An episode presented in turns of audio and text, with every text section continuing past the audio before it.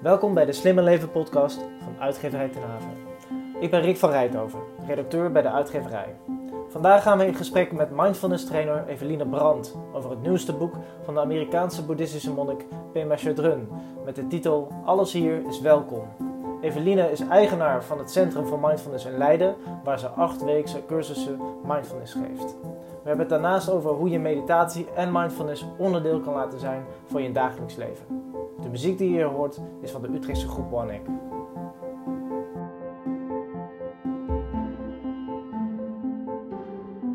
Waar ik mee zou willen beginnen is uh, de titel van Chudrins uh, nieuwste boek, Alles hier is welkom. Uh, dat is best een radicale houding om alles te verwelkomen. En wat betekent die titel voor jou? Ja, dat is een hele mooie, ja, eigenlijk boeddhistische manier om te zeggen, wat zij ook heel mooi kan beschrijven, dat je, dat je eigenlijk een beetje moet meebewegen met wat zich voordoet in je leven. Ontspannen meegaan met wat zich voordoet, schrijft ze ergens. Uh, wat we meestal natuurlijk gewend zijn te doen, is controle te willen hebben op het leven en hoe wij het willen hebben, hoe wij het willen sturen. Uh, onze plannen die wij moeten uitvoeren, uh, de to-do-lijstjes en elke in een grotere zin, hè, proberen we toch vaak controle te hebben op het leven. Ja, totdat we er door schade en schande achter komen dat dat eigenlijk zo niet werkt. En zij pleit ervoor, ook in haar andere boeken, om veel meer mee te bewegen met wat zich voordoet. En daar hoort ook bij dat zich minder fijne dingen voordoen in je leven. En daarmee zegt ze, ja, ook die welkom heten. Niet verzetten, maar zien van oké, ja, nu, nu is er lijden in mijn leven op dit moment. Of nu is het minder makkelijk. En ook daarbij durven blijven met je aandacht en het welkom heten. Dat klinkt inderdaad best radicaal, hè? Ja, want over het algemeen doen we juist de dingen die we niet willen of die pijn doen weg. Ja, nou en in het boeddhisme luidt de eerste edele waarheid: uh, er is lijden in het leven. Wordt, wordt abusiefelijk ook wel eens uh, vertaald als het leven is lijden. Maar zo somber is het boeddhisme helemaal niet. Het is niet zo van het leven is lijden, maar er is in ieders leven is er ook lijden.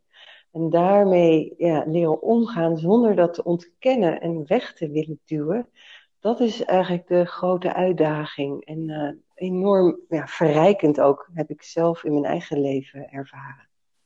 En verrijkend op wat voor manier?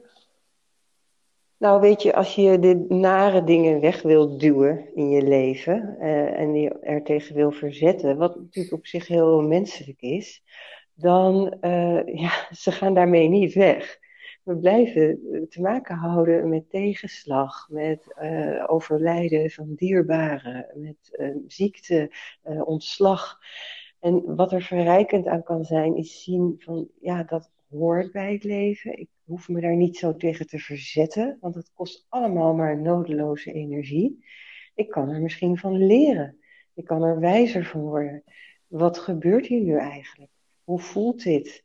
Oh ja, andere mensen ervaren dit ook, dit soort lijden. En dat zou je dus verrijkend kunnen noemen. Zonder het te willen idealiseren. Hè? Ik bedoel, er is niks leuks aan lijden. Dat wil ik er ook helemaal niet mee zeggen. En zij zeker ook niet. Maar het is er wel. Ja. En we kunnen ervan leren, we kunnen het leren kennen en we kunnen het leren verdragen. En is dat dan ook beginnen met een gebroken hart, zoals zij dat dan noemt? Ja, dat is ook een mooie, mooie zin, hè, die ze zegt. Ja, ja, ze bedoelt daar van alles mee. Ja, als je, ze zegt ook, als je een gebroken hart hebt, dan heb je ook een open hart. Um, en mensen die echt heel groot lijden hebben ervaren, die, die weten dat heel goed. Ik heb bijvoorbeeld een vriendin die helaas een zoon heeft verloren. En die heeft daar wel eens over verteld. Dat je bent dan echt totaal los. Je hart is compleet gebroken. Maar je bent ook heel erg open. Open voor, ja, voor alles. Voor alle, voor alle verbondenheid om je heen. De mensen om je heen. De emoties die er zijn. Het leven wat er nog wel is ja, het is een drama, maar dat is ook, ook iets heel verrijkends. Uh, en je zei zelf inderdaad al dat het soms abusiefelijk wordt het boeddhisme gezien als een, als een, een soort negatieve levenshouding met, met, de, met die focus op lijden en beginnen met een gebroken hart. Ja. Ehm, Klinkt wat- zwaar, hè? Klinkt heel zwaar. Maar eh, Ja. in, in, in essentie is er wel een, een, een goede eh, kern te vinden, een basale goedheid. Is dat Ja. dan ook omdat het hart dan openbreekt, dat dan die goedheid naar buiten kan komen? Ja, mooi gezegd. Ja, nou dat is eh, in de boeken van P. Mathieu Drun echt, denk ik, een hele belangrijke rode draad. Dus die onvoorwaardelijke goedheid, onze basale goedheid, het wordt ook wel onze Boeddha-natuur genoemd. En eh, in, in haar boeken heeft zij het regelmatig over een onverschrokken mededogen. Onverschrokken compassie ten opzichte van onze eigen pijn, ons eigen lijden en dat van anderen. Dus eh, ja, is, is dat een antwoord op je vraag?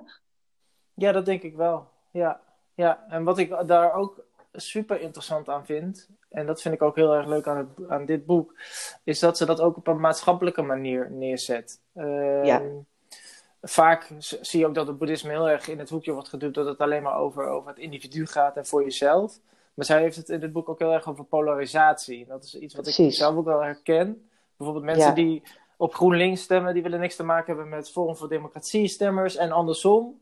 En er zijn steeds meer safe spaces, evenementen die georganiseerd worden waar je niet welkom bent als je een andere mening hebt. En eh, de Engelse titel van het boek is Welcoming the Unwelcome.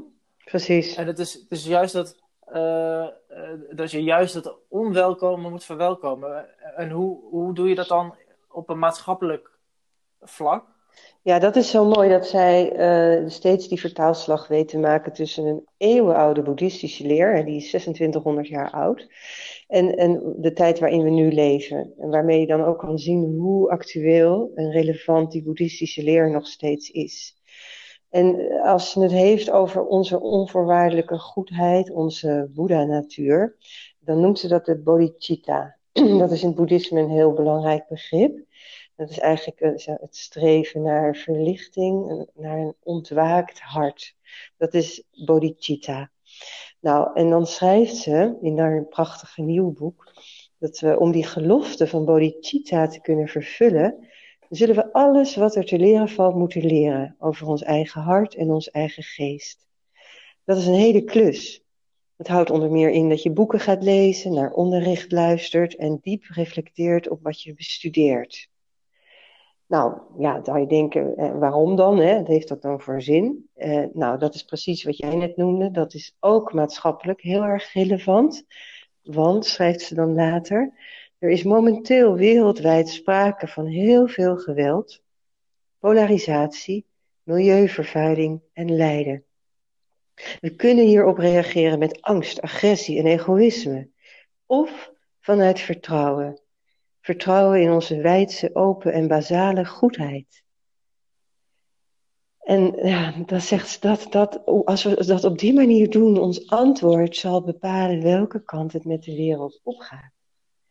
Dus als jij en ik ook meedoen aan het polariseren en het demoniseren van mensen die op andere partijen stemmen, eh, of nou ja, die ons niet, die ons niet goed gezind zijn, ja, dan dragen wij bij aan dat lijden in de wereld, aan die polarisatie. En als wij meer kunnen leven vanuit het gevoel van goedheid, de goedheid die er is in ons en ook in de ander, dan houden wij in ieder geval zelf op met schade te berokkenen. En ja, ophouden met schade berokkenen is ook een heel belangrijk thema in haar boek Als je wereld instort. Dat Mhm. is een bestseller die mij, ja, mijn leven ongeveer ook heeft veranderd, kan ik wel zeggen.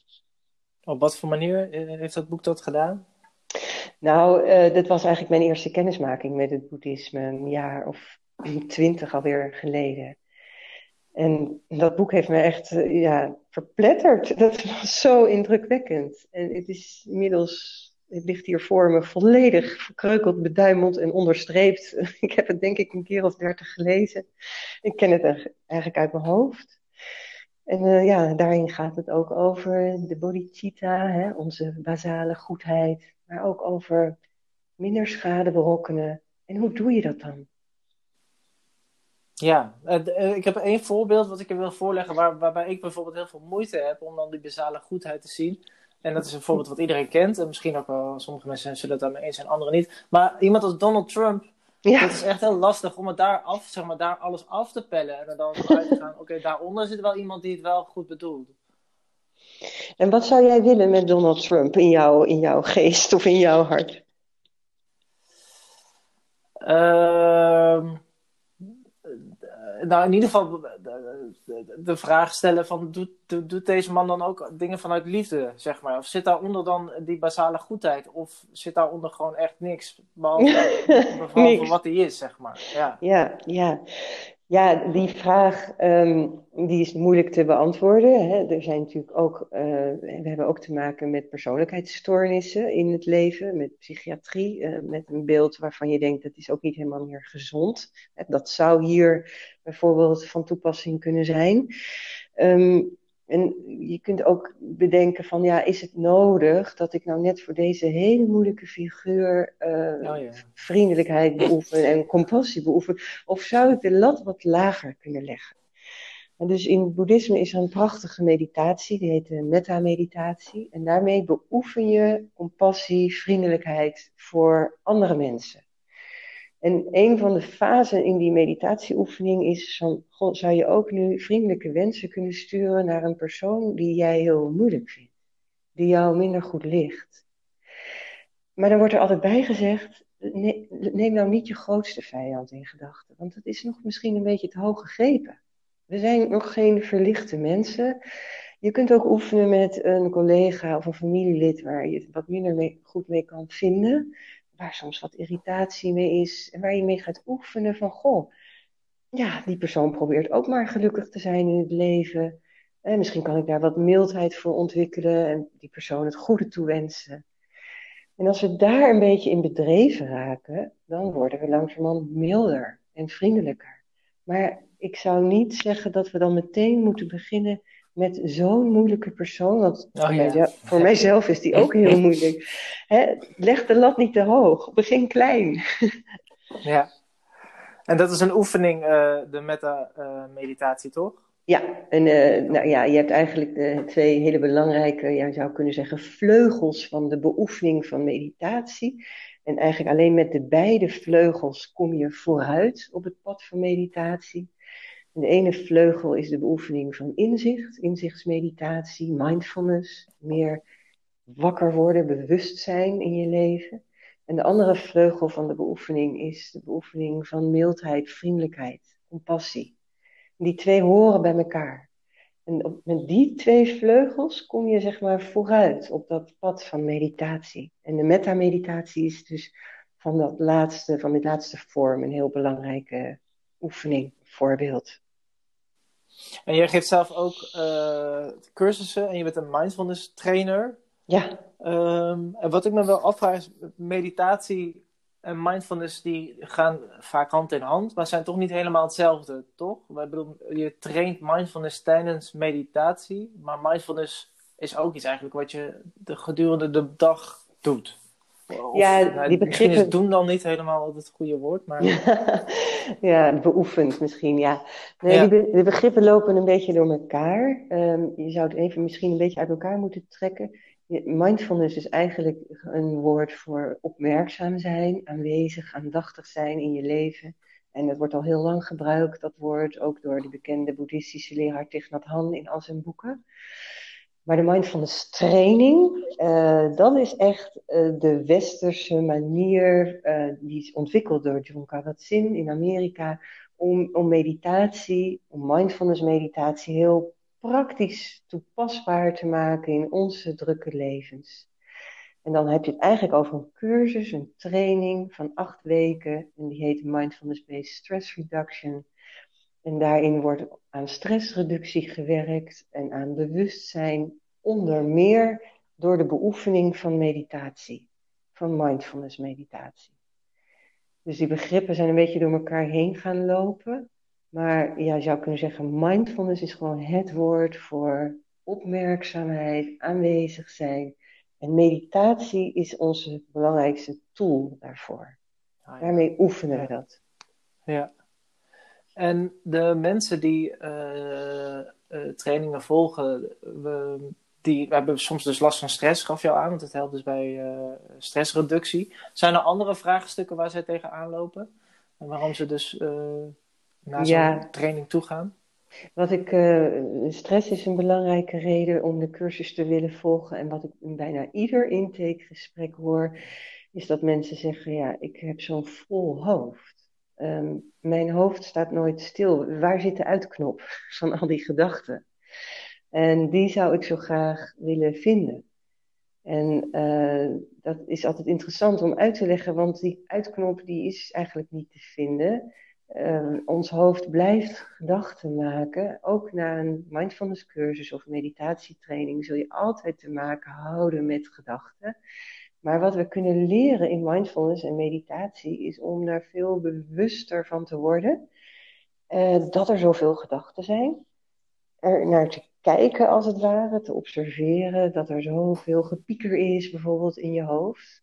En om dan te beslissen, oké, deze gedachten die ga ik eens gewoon laten overdrijven.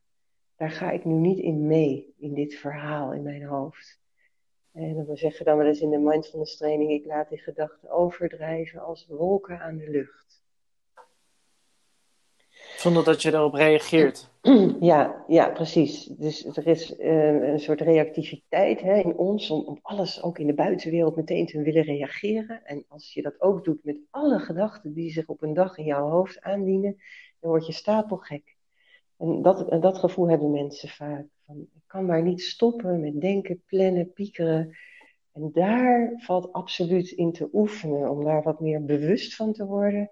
En een keuze te krijgen om niet in die gedachten mee te gaan. Niet allemaal. Dan komt er een soort ruimte tussen de gedachten en uh, uh, de gewaarwording van die gedachten. Precies, ja. En Pema Chödrön, die, kijk, de, de boeddhisme is, is de bron waaruit de mindfulness training put. En dat is voor mij ook heel interessant geweest, want ik ben eigenlijk eerst begonnen met kennismaken met het boeddhisme en met haar werk. En pas tien jaar later ben ik de opleiding tot mindfulness trainer gaan doen. Meestal is het omgekeerd. Gaan mindfulness trainers zich langzaam maar zeker steeds meer verdiepen in het boeddhisme. Maar ik heb die weg andersom bewandeld.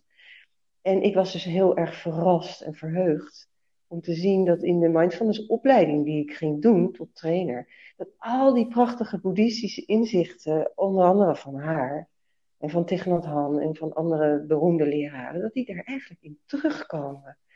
Dus we reiken in de mindfulness training op een heel westerse, laagdrempelige manier, reiken we aan mensen aan al die waardevolle inzichten uit die boeddhistische leer.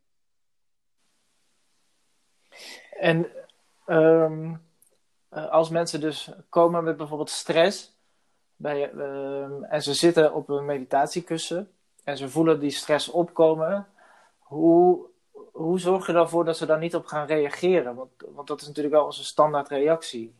Hoe reageer jij op stress als jij op een kussen zit of op je stoel en er komt stress op? Wat, wat doe jij dan? Nou, dan, dan, dan word ik meegenomen in een gedachte, uh, op gedachtenschip, om het maar zo te zeggen. En dan word ik ver weggevoerd. Ja. En dan op een gegeven moment dan denk ik van, oh, maar ik zat toch op een kussentje. Ja, ik ging toch, ik ging toch met aandacht bij mijn ademhaling zijn en, en, niet op dit schip wegvaren. Ja. ja. nou, dus dat is wat je, wat je leert, wat ik net bedoelde, uh, dat je die gedachten gaat observeren. En eerder gaat opmerken dat je weer bent meegevoerd op een schip of op een gedachtentrein die dan ver weg rijdt je krijgt het eigenlijk steeds eerder in de gaten. Oh, wacht, ik was er aan het denken. Ik kan er nu weer uitstappen. Uit die trein of uit die boot of uit die gedachte. En ik ga nu weer terug met mijn aandacht naar mijn ademhaling. En dat leidt uiteindelijk tot stressreductie. Tot minder van die gedachten die maar zo'n greep op jou hebben en jou meeslepen. Wat ik, wat ik grappig vind aan hoe je het vertelt, is dat je het ook met heel veel rust vertelt zeg maar van, oh ja, nu ga ik weer terug naar mijn ademhaling. Terwijl wat ik toen ik begon met mediteren merkte, was dus dat ik dus dan uh, die, de, zo'n gedachte had en daar de, de, allerlei extra gedachten bij had. En dan was ook nog de extra gedachte, als ik door had dat ik dus aan het denken was, shit, ik ben aan het denken. ja, en, en, en ook nog waarschijnlijk shit, ik doe het niet goed. Ja, ja, ja. Nou, en dat is dus precies die, die, die, die twee vleugels van de beoefening die je nu beschrijft. Dus het is al heel mooi als mensen leren om inzicht te ontwikkelen en meer bewust te worden, hè, de mindfulness vleugel van de beoefening. Maar als je daar jezelf de hele tijd voor op je kop gaat zitten geven, dat je weer bent afgedwaald en dat je het niet goed doet, dan, dan mis je dus dat hele stuk van vriendelijkheid en compassie voor jezelf. En die vleugel is dus net zo belangrijk bij de beoefening. Dus in de mindfulness training worden mensen steeds uitgenodigd om vriendelijk voor zichzelf te zijn. Mild. Weet dat het heel normaal is dat jouw geest, dat de menselijke geest voortdurend afdwaalt. Eh, maak je geen zorgen over het feit dat je weer eventjes in gedachten verzonken was. Merk het vriendelijk op en keer weer terug naar je ademhaling. Dus het is echt heel belangrijk dat die vriendelijke toon en die milde toon, dat die erbij zit. Anders wordt het een heel strenge, bijna nihilistische beoefening van ik mag niet in die gedachten meegaan en ik doe het weer helemaal niet goed. Dat is echt, dan schiet het zijn doel voorbij. Ja. En, en het moment waar ik dat nog wel steeds lastig vind tijdens meditatie, lukt het eigenlijk al steeds beter om dan inderdaad zonder oordeel terug te komen.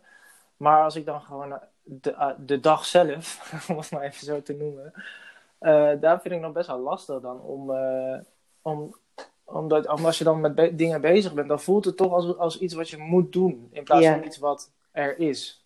Ja, dus jij zou eigenlijk het liefst je, je, je, hele dag en je hele werkdag zou je mindful willen zijn? ja, dat denk ik wel, ja. ja, ja. Of in ieder geval wat vaker. Ja, maar we leven ook een werelds leven. Hè? We zijn geen klooster, we zijn geen kloosterlingen, jij en ik. We hebben een baan, we, we hebben, moeten reizen, we moeten boodschappen doen. En het is waarschijnlijk ook weer hier wat te hoog gegrepen om te denken dat we dat de hele dag op een mindful manier kunnen doen.